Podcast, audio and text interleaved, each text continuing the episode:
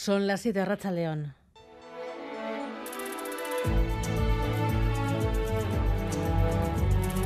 Gambara con Arancha García.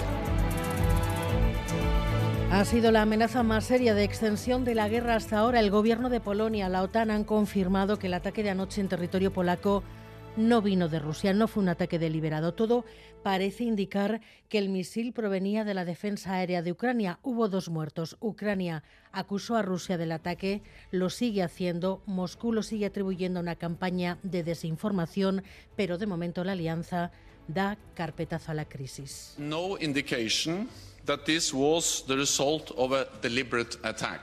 And we have no indication that Russia is preparing offensive military actions against NATO. La OTAN queda por comprobado que lo de ayer en Polonia no fue fruto de un ataque deliberado ruso, tampoco tiene ninguna notificación, ningún signo de que esté preparando un ataque contra territorio OTAN. Así están las cosas mientras también continúan las revisiones de condenas a agresiones sexuales por la aplicación de la nueva ley, la del CSI, con el presidente Sánchez diciendo que de momento no hay motivos para revisar la ley, con la ministra de Igualdad responsabilizando a los jueces machistas de interpretarla mal. Nos preocupa, por supuesto, que haya jueces que no cumplan con las leyes feministas, porque eso puede dejar en la impunidad a los agresores y puede desproteger a las mujeres, pero confiamos en que no va a ocurrir así, que más bien al contrario, se va a cumplir con lo que ha querido el Ejecutivo y el Legislativo y que lo que vamos a hacer, igual también en cumplimiento del mandato del movimiento feminista, es mejorar cada vez más la capacidad de las instituciones de garantizar todos los derechos para todas las mujeres que son víctimas de agresiones sexuales. El caso es que la realidad es que las revisiones son ya cascadas. Se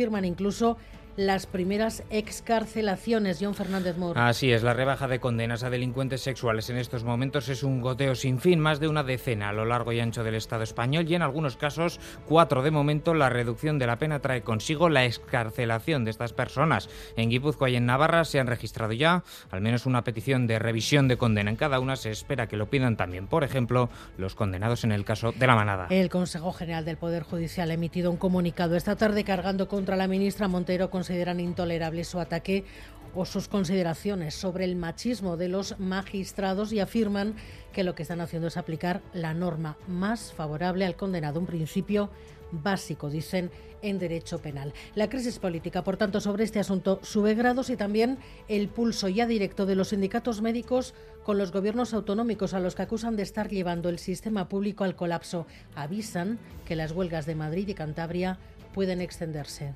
El gran problema no es que falten médicos. El gran problema es que faltan profesionales que quieran ejercer en este país en las condiciones que se les ofrece ejercer. Retribuciones, condiciones laborales, condiciones de atención al paciente.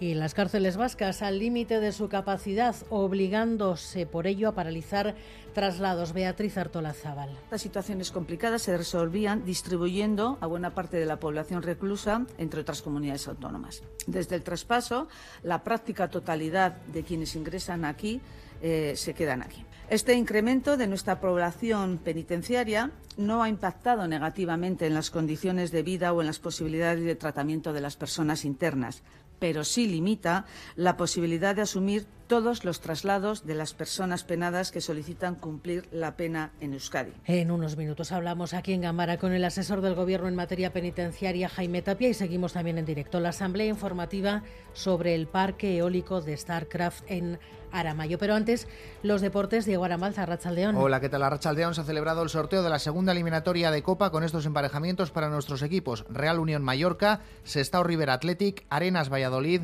Arnedo Osasuna, Guernica Celta, Coria Real, Mérida Alavés e Ibiza Islas Pitiusas Eibar. Eliminatorias a partido único se van a disputar los días 20, 21 y 22 de diciembre. Bueno, pues seguramente que hay muy buen ambiente en Sestao para ese Sestao Athletic.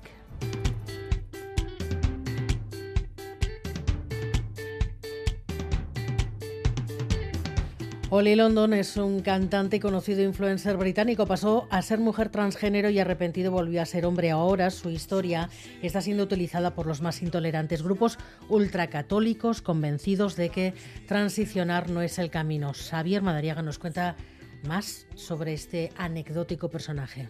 Fue transgénero y hasta transracial. De ser hombre británico pasó a ser mujer coreana hoy ha vuelto a ser hombre británico y además es estandarte de las organizaciones ultracatólicas en contra de lo que llaman la ideología de género. Vamos que Macarena Olona podría perfectamente invitarlo a sus mítines. Dice que a los niños se les está enseñando que cambiarse de género es lo más normal del mundo. Que si él hubiese nacido 40 años antes no habría transicionado, culpa de todo a la perversa ideología que dice impera en las escuelas. En Dios ha encontrado ahora la felicidad que transicionar no le dio.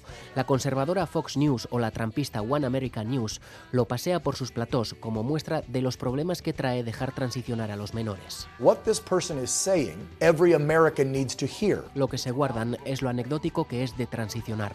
Lo hace solo en torno al 2% de quienes iniciaron el proceso siendo menores. Y otra cosa que tampoco cuentan es que las medidas que se adoptan en la infancia son en su mayoría reversibles.